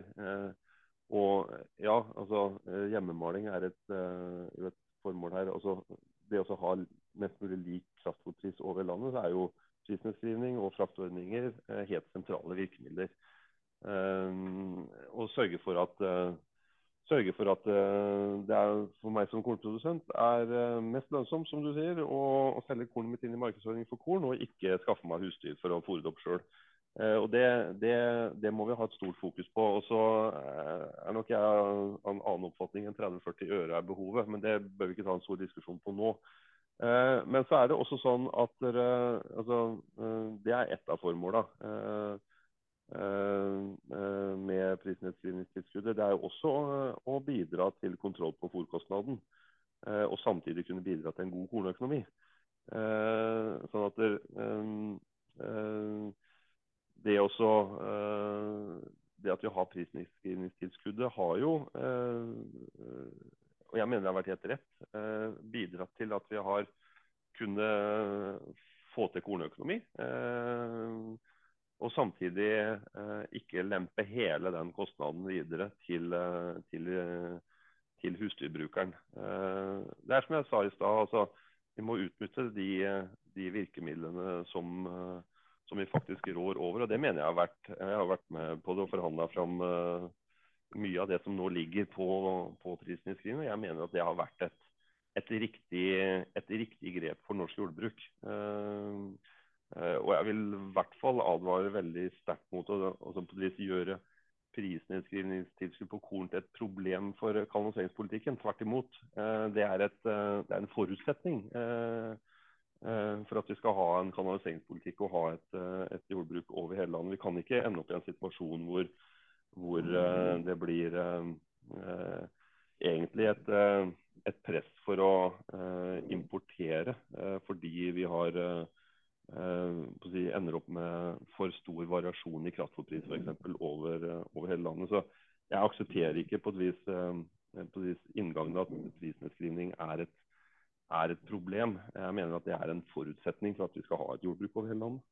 Men, men hvis du framskriver utviklinga fra 1990 på kylling, og så framskriver den framover i lang tid framover, den utviklingen som har vært. Ja, men da har du jo snart ikke et marked da, for uh, storfe og lammekjøtt. Og så vet vi jo det at kyllingen han et eh, kønn. Og kønn har vi et eh, begrensa potensial til å produsere. Ergo vil da importen gå opp og opp. Ser du ikke den ulogikken med å subsidiere så hardt den mest effektive produksjonen? Istedenfor å la dem ta det ut i markedet, sånn at du har mer av tilskuddskaka å gi til de produksjonene som er et gress. Da skal ingen ned i økonomi. Det handler bare om fordeling mellom marked og tilskudd. Kraftordrekrevende tar jo definitivt mest av inntektene sine i markedet, ikke over, ikke over jordbruksavtalen. Fullstendig klar over det, men poenget er at det er en så effektiv produksjon at når du har en forbruker som er i Norge, som har så mye penger, så har du råd til å betale 3-4 kroner ekstra for kyllingen Istedenfor at staten skal subsidiere det, sånn at kyllingen blir for billig i butikken i forhold til storfe. Det har med å få den dynamikken til å fungere når kunden skal velge det produktet der, sånn at den ikke bare tar det som er subsidiert av staten, som kunne da tatt ut en høyere andel i markedet. Det er det som er poenget. Ja, altså, jeg, tror jeg, skal være, jeg mener at vi må være litt sånn forsiktige med den her, eh, denne subsidie altså Kalle dette for subsidier, da, på den måten. Altså, eh, det er jo ingen tvil om at vi jordbruksavtalen bruker betydelige eh, eh, midler også på de grovfòrbaserte. Eh, eh, så, så jeg, jeg, tror ikke jeg, jeg, er litt i tvil om at vi kommer eh, at, det er på en, en, en diskusjon altså altså sånn, Å dra den diskusjonen veldig langt er jeg, ikke, er jeg ganske sikker på at det ikke er er formålstjenlig for næringa som sådan. Og så er jo spørsmålet altså, hva, hva vil forbrukeren ha i framtida? Uh, altså, um, um, det, det, som vi har sett nå da, uh, på, på, på, rødt kjøtt altså, hva, hva gjør forbrukeren i en, i en, en dyrtid? Jeg tror, det, jeg tror ikke dette her kun handler om uh, prisforholdet mellom, uh, mellom, rødt kjøtt eller storfekjøtt og, og de kraftbaserte, men det handler også om egentlig hele nivået. da. Uh, uh, altså nivået som forbrukeren uh, møter i butikk. Det er jo på et vis Det er jo ikke noe sånn det kan være litt vanskelig for oss uh, i næringa å, å, forholde oss til. Da. Men altså, hva, hva er på vis betalingsvilligheten til forbrukeren også, i den situasjonen vi står oppe i nå? Og det som har skjedd i sommer, er jo at vi har fått et, vi har fått et volumfall. Det er svikt i salget for, for storfekjøtt. Og så fikk vi jo i dag tall her fra SSB som jo viser at den prisreduksjonen som, som Nortura har gjennomført, faktisk har gått hele veien gjennom og ut til forbrukeren. Eh, forbrukeren har fått, fått den prisreduksjonen, akkurat som, eh, som, eh, man, som, vi forut, eller som jeg i hvert fall krevde når Nortura gjorde det grepet de gjorde. Og vi ønsker jo at det skal ha den effekten at forbruket går opp igjen. Sånn at vi faktisk får solgt det storfekjøttet som vi har nå på lager. Og sånn på årsbasis er det jo ikke altså Du sier overproduksjon. Det er jo ikke noen, i realiteten noen stor overproduksjon av storfekjøtt i Norge. Det er jo ikke det det er snakk om.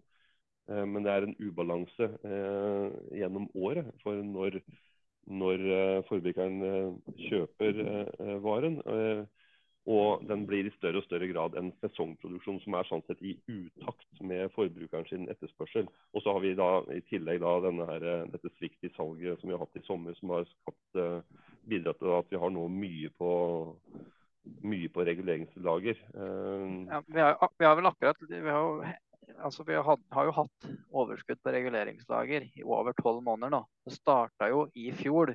Det ble jo gjort en feil prognose, så det ble importert litt. Og så fikk du mye større slakting enn folk så for seg, sjøl om egentlig det var prognosert fordi forholdstallet gikk ned. Men man klarer ikke å prognosere, prognosere det godt nok. Og så har det ikke blitt gjort tiltak. Og så har man fått salgssvikt pga. dyrtid. Og Da beviser jo egentlig det bare at volumet går litt ned hvis prisen holder seg oppe litt. Og da er jo, skjønner ikke jeg hvorfor. Nå leverte jo en 60 storfe for litt siden, og da taper jo en 100 000 på det. Og jeg skjønner ikke hvordan det da skal være lønnsomt for meg å produsere flere og flere storfe til en dårligere pris. Hvis jeg kunne hatt litt færre storfe og fått de seks kronene nå som jeg egentlig har mista jeg klarer bare ikke å skjønne logikken, men det skal vi ikke gå inn på, for der er vi litt uenige, og det er bra å være uenig. Men avslutningsvis ja. så uh, siterer jeg litt uh, noe som er litt sånn interessant. Det er jo uh, Insanity is doing the same thing over and over and expect a different result. Det var en smarting som sa som var mye smartere enn både jeg og du. Uh, og, og, det er litt sånn jeg kommer jo ikke fra gard sjøl, eh, men jeg er jo liksom kommet inn i denne kulturen og, og, i landbruket en god stund. Og når jeg lytter litt til det og en del andre såkalte topper i, i jordbruket, så føles det litt som at vi skal gjøre de samme tingene og forvente et annet resultat. Eh, ser du litt det poenget at her er det kanskje litt for gubbing, Kanskje litt for lite vilje til å utfordre, presse, Altså, eh, det er ofte sånn at politikerne leverer best med en pistol mot hugget istedenfor en kaffekopp. Det er i hvert fall min erfaring. Og så er det jo selvsagt en miks som er det beste. Men altså, må du ikke satse litt for å vinne? Hvis vi hele tida skal spille i forsvar og være så redd for å miste noe, om det er forhandlingssystemet, eller om det er eh, tollvern, eller om det er særrettigheter, som vi var innom i forhold til Eh, eiendomsskap osv. Altså, må vi ikke opp i, i, angrep og tørre å satse litt for å virkelig vinne? Hvis vi skal gjøre de samme tingene. Det har jo ikke lykkes. Det er jo ikke en suksesshistorie for gårdbrukeren uh, når alle andre får høyere kjøpekraftsutvikling enn vi får. Eh, jo, altså Jeg syns jo ikke det, de eksemplene du drar opp, akkurat er eh, noe småtteri da, eh, å legge i potten. Eh, hvis man liksom sier at man skal liksom eh, satse. Du, du, legger jo i potten de, altså de mest avgjørende rammebetingelsene for norsk jordbruk. og der er nok jeg av den oppfatning at du, som, jeg siterte i stad, du skal være forsiktig med hva du ber om, for du kan hende du får det. Uh, uh, Eh, næringa skal tenke seg veldig grundig om eh, med hensyn til vis, hva slags strategi man legger for eh, og på et vis, på et vis legger press, da, som du sier. min inngang er jo det at dere Ja, vi har muligheter til å utvikle næringa. Vi, vi, må få til det i, i, med politikerne. og vi må vise fram hva vi faktisk kan tilby eh, i, i næringa. Altså, hva, hva, er, det vi på et vis leverer eh, for, eh, for, samfunnet når vi produserer mat og distriktsarbeidsplasser, kulturlandskap osv. Det, det må vi bli selvfølgelig mer men, men, flinke til enn vi har vært. Men, men altså, men også, Og så er det sånn at det, blir, det, det, må være opp til hver enkelt. Også, altså, vi, vi, kan ikke snakke Vi kan ikke være, liksom, være selvstendig næringsdrivende bare når det er en fordel for oss. Eh, når det gir oss eh, gevinster. Altså, det, det, er et, et, eh, det, er et, valg man tar. Eh, min jobb er å skape så gode rammebetingelser som, som mulig for en næring som består av selvstendig næringsdrivende, og ikke lønnsmottakere. Uh, og så må enhver på et vis eh, bestemme seg sjøl, uh, gitt de rammebetingelsene som er, om man vil ønsker å satse i næringa eller ikke. Og så, og så, forventer jeg det at det er, en, det er et trøkk i næringa og en utålmodighet der ute for at vi skal få til uh, mye. Og, og, få til bedre rammebetingelser enn det er i dag. Men det må til syvende og sist være en sjøl som tar beslutning for hvordan en ønsker å drive. Eh, man ønsker å drive i næringa, og ser for seg en mulighet i næringa i, i åra som, som, kommer. Det er jo, det er jo vi som, uh, vi som uh, tar den beslutningen og ønsker å drive i næringa, som skal, skal, stå i det også. Og så er min jobb å bidra med så gode rammebetingelser som, som mulig. Jeg har ikke så veldig mye tro på at vi på et vis uh, tjener noe særlig på å legge legge de eh, fundamentale forutsetningene for å opprettholde et jordbruk i Norge i potten og si det at dere, uh, vi vil ikke uh, hvis ikke vi får, får uh, sånn og sånn og sånn. Det, det, den strategien har jeg, ja, for å være forsiktig, uh, begrensa tro på. Hmm. Nei, men her er lov å være uenig i den potten. Ja. Men jeg kan jo bare si det, da, at kikka på det, jeg tror det var i 2003, hvis ikke tar feil. Da skrev jeg mitt første leserinnlegg om jordbruk i Gudbrandsdølen Dagningen. og Det er 20 år siden. Og da var jeg 100 på din linje. Jo, Det var jordvern, det var kulturlandskap, lite medisinbruk, dyrevelferd, hvor viktig det her var, osv. osv. Og, og sånn har jeg jo egentlig heldig på helt til de siste årene. Og, og ikke bare jeg som har gjort det. Det er skrevet titusenvis av sånne leserinnlegg der vi har vist til alt vi har fått til, og hvor flinke vi er. Men vi har ikke evna å å cashe ut i kassa for de gode resultatene vi har levert. Det, det er bare fakta når du ser på et snitt for, for uh, næringa. Så det må vi bare forholde oss til. Så jeg tror jeg vil utfordre litt på at uh, hvis vi skal få til noe bedre, så må vi nok tenke litt nytt. Så jeg utfordrer litt på det framover.